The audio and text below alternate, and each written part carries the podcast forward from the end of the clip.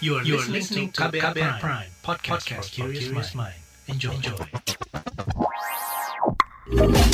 Kamu lagi dengerin What's Trending KBR Pagi.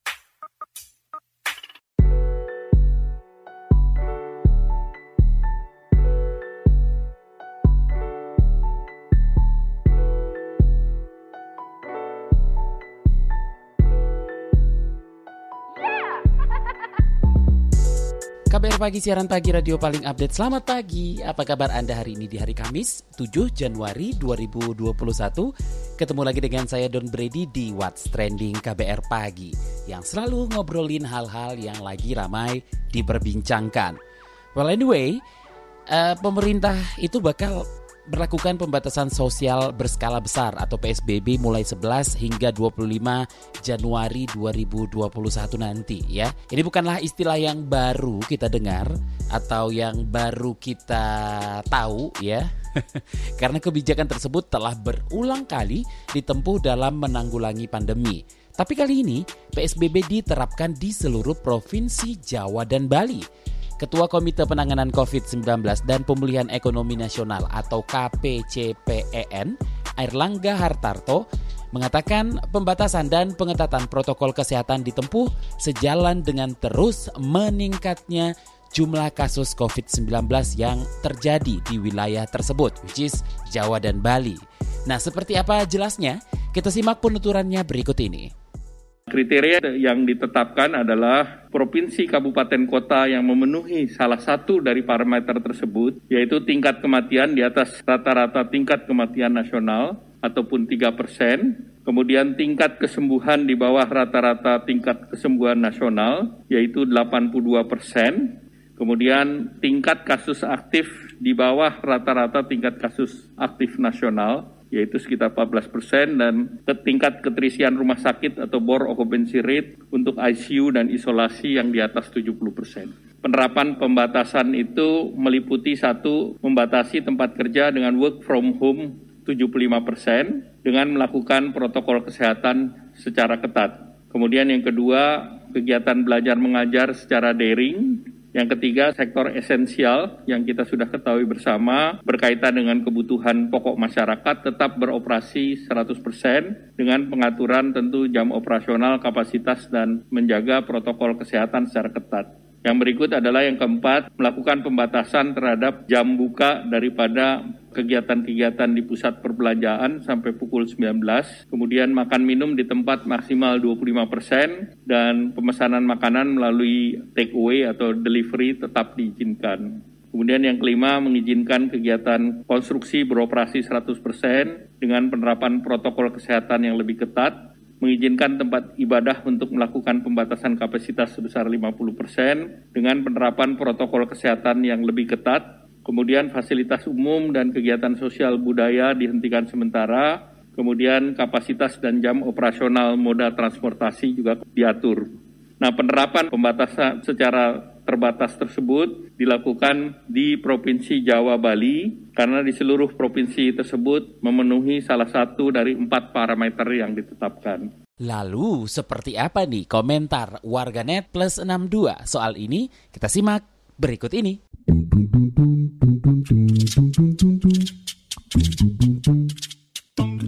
Akun at taf30405.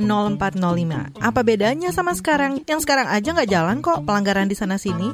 Juga komentar akun at UK. Dia bilangnya nggak telat ya. Kemarin ke mana aja? Negara lain melonjak kasusnya seribu per hari aja udah kelabakan. Lah kita dari 2000 per hari sampai sekarang jadi 6 ribuan per hari baru ambil tindakan tegas. Akun M30W3D. Percuma kalau cuma himbauan sambil joget-joget diiringi lagu ingat pesan ibu. Lalu komentar akun at HD underscore Friza. Lebih baik terlambat ketimbang telat tak berbuat untuk rakyat secara keseluruhan. Akun at Kusnandar PC tidak akan berefek signifikan. Lawang selama ini juga udah begitu. Juga komentar akun at TXTDR Capricorn. Definisi diperkata tuh gimana dulu nih pak? Juga lanjut komentar at Anisaran8 Gak lucu, nanti pengusaha lesu gimana? Banyak PHK dong Lanjut komentar akun @friski Ramadhani. IHSG langsung longsor pasti dah. Terakhir akun @nurdianto Ari. Harus dibarengi tes dan lacak yang lebih banyak nih. Kalau nggak dibarengi itu rasanya hasilnya kayak yang sebelum-sebelumnya deh. Pengorbanan masyarakat untuk tagar di rumah aja bakal sia-sia. What's Trending KBR Pagi Balik lagi di What's Trending KBR Pagi yang lagi menyoroti rencana pemberlakuan PSBB di uh, Jawa dan Bali. Nah, mampukah sebenarnya si PSBB Jawa Bali ini menekan kasus COVID-19 yang tengah meroket belakangan ini? Atau perlu nggak sih ditempuh tindakan lain yang lebih ekstrim mungkin. Saya sudah bersama Dewan Pakar Ikatan Ahli Kesehatan Masyarakat Indonesia IAKMI Hermawan Saputra. Pak Hermawan, bagaimana Anda melihat penerapan PSBB Jawa Bali? Adakah perbedaan signifikan dari penerapan PSBB sebelumnya nih? Oke, ya kelihatannya nggak efektif itu. Seperti DKI PSBB transisi berarti sama aja. Selama ini kan juga sebenarnya seperti itu. Cuman kalau bahasa PSBB itu ya tentu dibatasi seperti awal dulu di DKI ya. Kalau memang mau kompak itu efektif tapi kalau tidak sangat tidak efektif. Kami juga sudah melakukan penelitian seperti itu waktu di DKI dulu. Nah, kalau diterapkan untuk menekan angka atau lonjakan kasus COVID-19, bagaimana? Ini kan tujuan PSBB ini kan bukan memutus rantai COVID-nya, tapi memperlambat kasus. Jadi supaya landai agar ruang pelayanan kesehatan itu bisa terpenuhi dengan baik. Tetapi kalau kita bicara saat ini, seharusnya kita mempersiapkan diri untuk memutus mata rantai sehingga puncak kasus bisa kita lewati dan harusnya diberlakukan secara nasional ya. Nah, tapi kalau PSBB-nya seperti itu, rasa-rasanya itu juga yang dilakukan di DKI dan sekitarnya dulu dan itu sangat tidak efektif sebenarnya. Sekarang ini kan sudah over capacity. Oke, perlu tindakan ekstrim seperti karantina lockdown atau karantina wilayah? Ya, itu bukan opsi pemerintah, tapi kalaupun PSBB saja diterapkan secara optimal, itu tidak perlu bahasa tentang lockdown. Kita dulu pernah ada bukti keberhasilan ya waktu PSBB, eh, tidak diistilahkan transisi, tapi PSBB yang mulai 10 April ya di DKI dan sekitarnya saat itu efektif kok. Nah, tetapi begitu disebut transisi, nah itu yang tiada lagi gunanya itu PSBB transisi seperti kelonggaran biasa aja. Langkah-langkah apa yang harus diperhatikan dan diperketat nih oleh pemerintah terkait pengendalian COVID-19 ini, Pak Hermawan? Ya, sebenarnya COVID ini secara transmisi di lapangan itu kan terjadi silent transmission ya tidak terdata, tidak terlacak dengan baik. Kapasitas testing dan tracing kita pun masih cukup lemah kalau dibandingkan dengan banyaknya kasus. Sekarang ini hampir semua sektor kehidupan kita mendengar tiap hari selalu ada kolega, sejawat, keluarga yang terpapar COVID. Maka laju itu jauh lebih besar dari yang dilaporkan berdasarkan dashboard data harian gugus tugas dan lain-lain itu.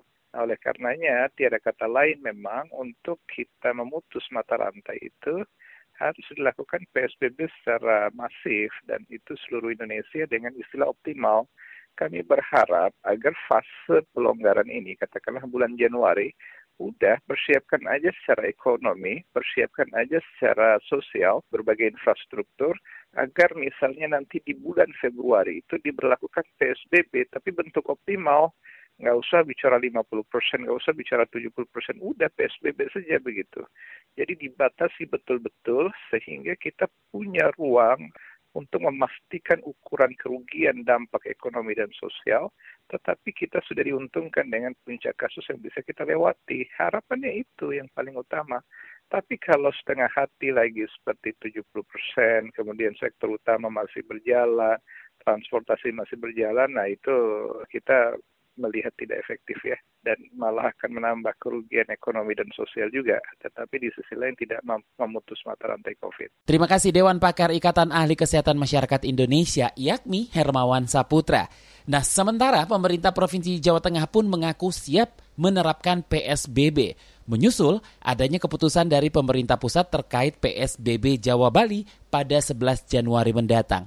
Inilah pernyataan Gubernur Jawa Tengah Ganjar Pranowo agar ada pengetatan-pengetatan dalam konteks kerumunan sampai dengan uh, kemungkinan jam malam. Jadi ini yang akan kita lakukan meskipun kemarin secara lesan Pak Menko Perekonomian sudah kontak langsung dengan para gubernur termasuk ke saya untuk menyiapkan ini. Maka sosialisasi akan uh, coba kita lakukan. Nah untuk penanganannya sekarang kita akan turunkan kalau kemarin pada level dinas kesehatan provinsi, kabupaten, kota, sekarang kita berdayakan puskesmas. What's trending KBR pagi?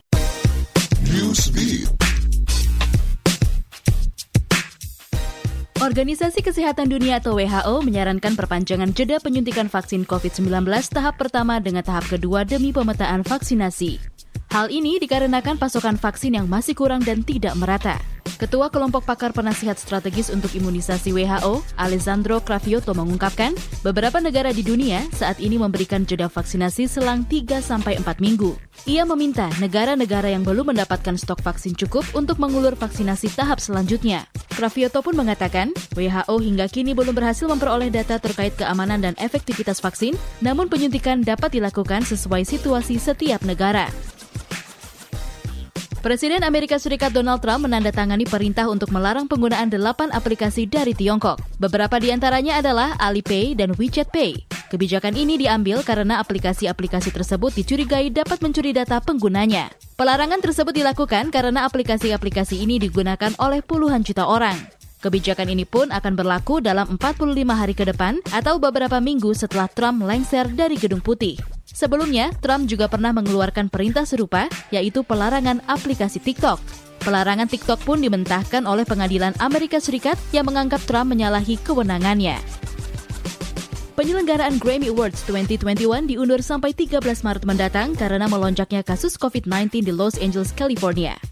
Pihak Recording Academy mengungkapkan, keputusan ini diambil setelah mereka berunding dengan para ahli kesehatan, pembawa acara, serta para musisi yang dijadwalkan mengisi ajang penghargaan tersebut. Situasi pandemi COVID-19 di Los Angeles memburuk dan layanan rumah sakit pun kewalahan. Bahkan IGD pun telah mencapai batas kapasitasnya. Pihak penyelenggara mengungkapkan, mereka lebih mementingkan kesehatan dan keselamatan orang-orang yang terlibat pada pagelaran ajang penghargaan tersebut.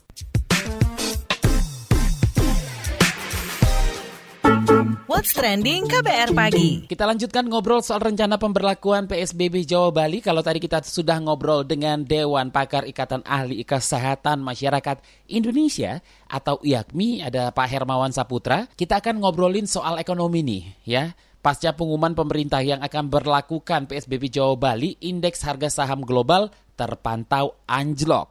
Sudah bersama saya ekonom LIPI Maxensius Trisambodo. Nah, bagaimana pengaruh penerapan PSBB ini pada perekonomian masyarakat nih Pak? Besarkah jika dibandingkan PSBB yang terjadi selama ini? Kira-kira akan seperti apa dampaknya terkait dengan apa kondisi ekonomi kita ya ISG anjlok ya artinya market melihat sentimen negatif ya dari kebijakan ini ya. Tapi kalau kita coba melihat kondisi realita ya gitu, kenyataannya PSBB yang ada sampai saat ini pun ya belum sepenuhnya juga ya diimplementasikan. Jadi saya melihat kayak masih setengah hati ya karena mungkin pemerintah juga melihat dampak ekonomi ya yang akan sangat besar ya. Dan kita ini bicara di Pulau Jawa ya, gerakan di Pulau Jawa di mana Pulau Jawa ini kan merupakan penyumbang terbesar ya ekonomi nasional kita ya. Hampir 50% dari ekonomi kita disumbangkan dari Pulau Jawa, apalagi ditambah Bali ya tentu nilainya akan besar juga ya. Saya kira di atas 54% lah. Artinya ketika gerakan masyarakat di dua pulau ini ya yang memberikan kontribusi besar besar bagi ekonomi nasional dibatasi tentu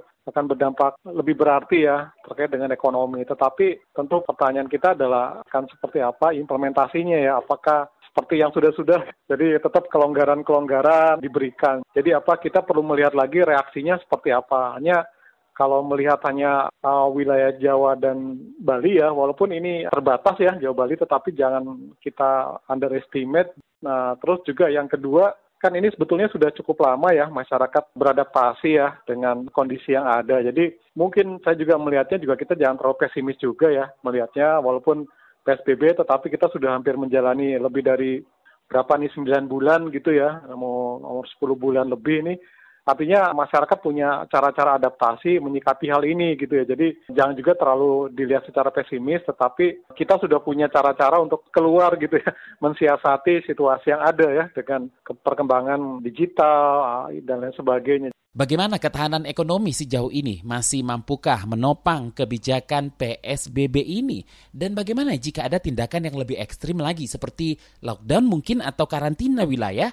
Mampukah perekonomian bertahan? Dari dinamika yang ada ya, memang ekonomi terutama dilihat dari tahun lalu ya, dari bulan September, nah, pokoknya setelah triwulan kedua ya, setelah triwulan kedua kita agak turun, kemudian triwulan ketiga, keempat, terus kita naik lagi pelan-pelan, itu kan sebetulnya juga masih dalam suasana pembatasan ya. Tapi kita lihat juga gerakan-gerakan ekonomi pelan-pelan mulai naik lagi ya. Jadi mulai naik, mulai walaupun belum kembali kepada kondisi sebelum jadi COVID, tetapi gerakan itu sudah ada. Kalau saya melihatnya tetap aja apa, dilihat ekonomi itu akan bergerak ya. Apalagi uh, masyarakat kita banyak yang memang hidupnya bertahan dari day by day gitu ya untuk bisa survive. Jadi nah mereka ini kan kelompok yang nggak bisa dibendung ya. Lain halnya dengan mereka yang bekerja di kantor dan lain sebagainya. Tapi sektor informal kita kan makin melebar ya, makin besar ya dengan banyak PHK dan lain sebagainya. Nah ini juga yang saya lihat juga membuat ya tadi ya efeknya apakah akan efektif tidak. Nah ini kan sesuatu yang harus dilihat lagi. Tetapi dengan melihat makin melebarnya sektor informal kita ya makin tumbuh juga tantangan hidup yang makin berat. Tentu ini saya melihat efektivitas daripada kebijakan ini yang mungkin tidak akan terlalu optimal juga saya melihatnya gitu ya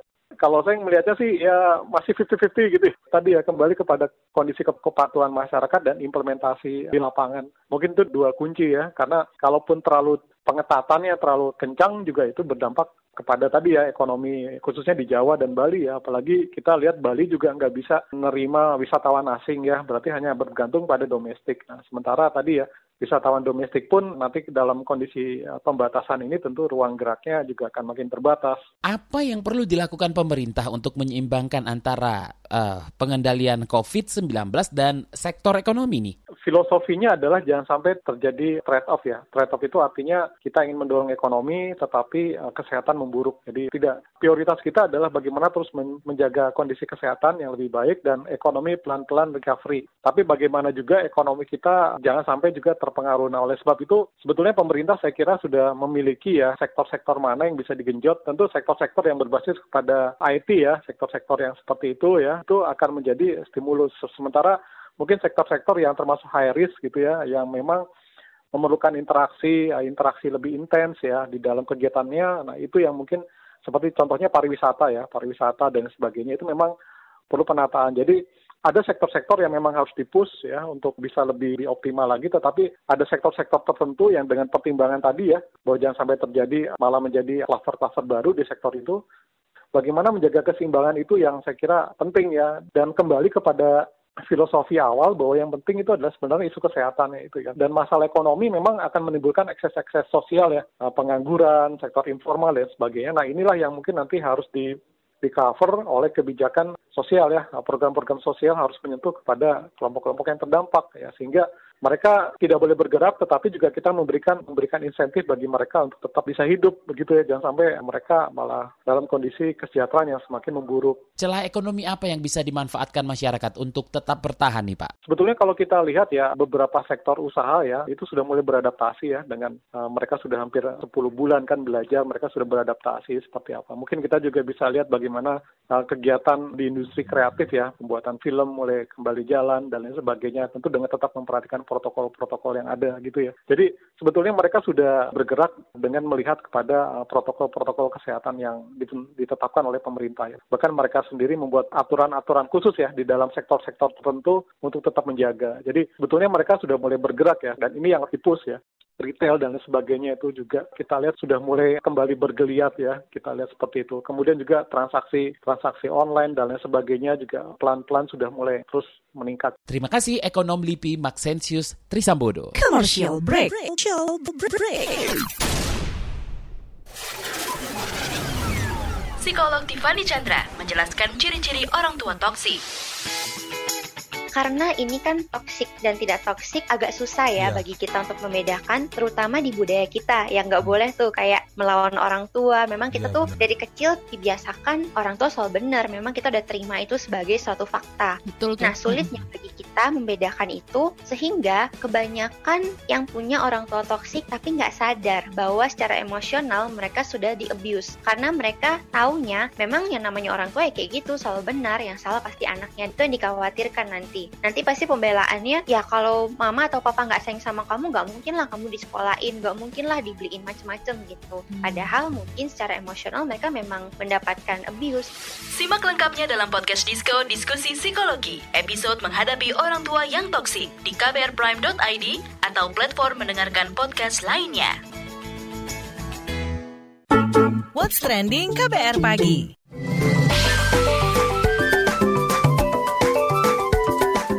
WhatsApp Indonesia Selamat pagi WhatsApp Indonesia. Kita awali dari Cirebon, Jawa Barat. Pemerintah kota Cirebon melakukan simulasi pemberian vaksin COVID-19. Simulasi dilakukan mulai dari pendataan hingga vaksinasi berjalan sesuai dengan rencana. Simulasi vaksin dihadiri oleh vaksinator, petugas puskesmas hingga tenaga medis dari rumah sakit pemerintah dan swasta. Kepala Dinas Kesehatan Kota Cirebon, Edi Sugiarto mengatakan, vaksinasi akan dilaksanakan pada 15 Januari 2021 mendatang di puskesmas dan rumah sakit pemerintah atau swasta. Ia menekankan, vaksin COVID-19 akan diberikan kepada tenaga kesehatan yang bertugas di Kota Cirebon dan sudah masuk dalam data Sistem Informasi Sumber Daya Manusia Kesehatan. Pemkot Cirebon sendiri akan menerima sebanyak 5.000 vaksin yang dikirimkan secara bertahap dan akan disimpan di tempat pendingin khusus yang ada di puskesmas, rumah sakit, dan kantor dinas kesehatan. Selanjutnya menuju Solo, Jawa Tengah. Pemkot Solo masih menghitung ulang kebutuhan anggaran perawatan sejumlah stadion pasca tertundanya Piala Dunia U20 tahun ini. Wali Kota Solo Hadi Ruyatmo mengatakan ada lima stadion yang rencananya digunakan untuk kompetisi sepak bola dunia tersebut. Ia berharap pembangunan stadion di Solo, Manahan, Kota Barat, Sriwaru, Sriwidari, dan Banyuanyar tetap dilaksanakan meski Piala Dunia U20 ditunda. Rudi mengklaim sudah menginstruksikan kepada kepala dinas terkait untuk menyiapkan anggaran perawatan lima stadion tersebut sesuai dengan standar FIFA. Lebih lanjut, Rudi mengungkapkan, selama jeda selesai renovasi tahun ini hingga rencana Piala Dunia U20 di tahun 2023, Pemkot Solo akan mencari alternatif pemakaian stadion. Sejumlah opsi antara lain untuk home base klub sepak bola hingga lokasi Liga Sepak Bola Nasional.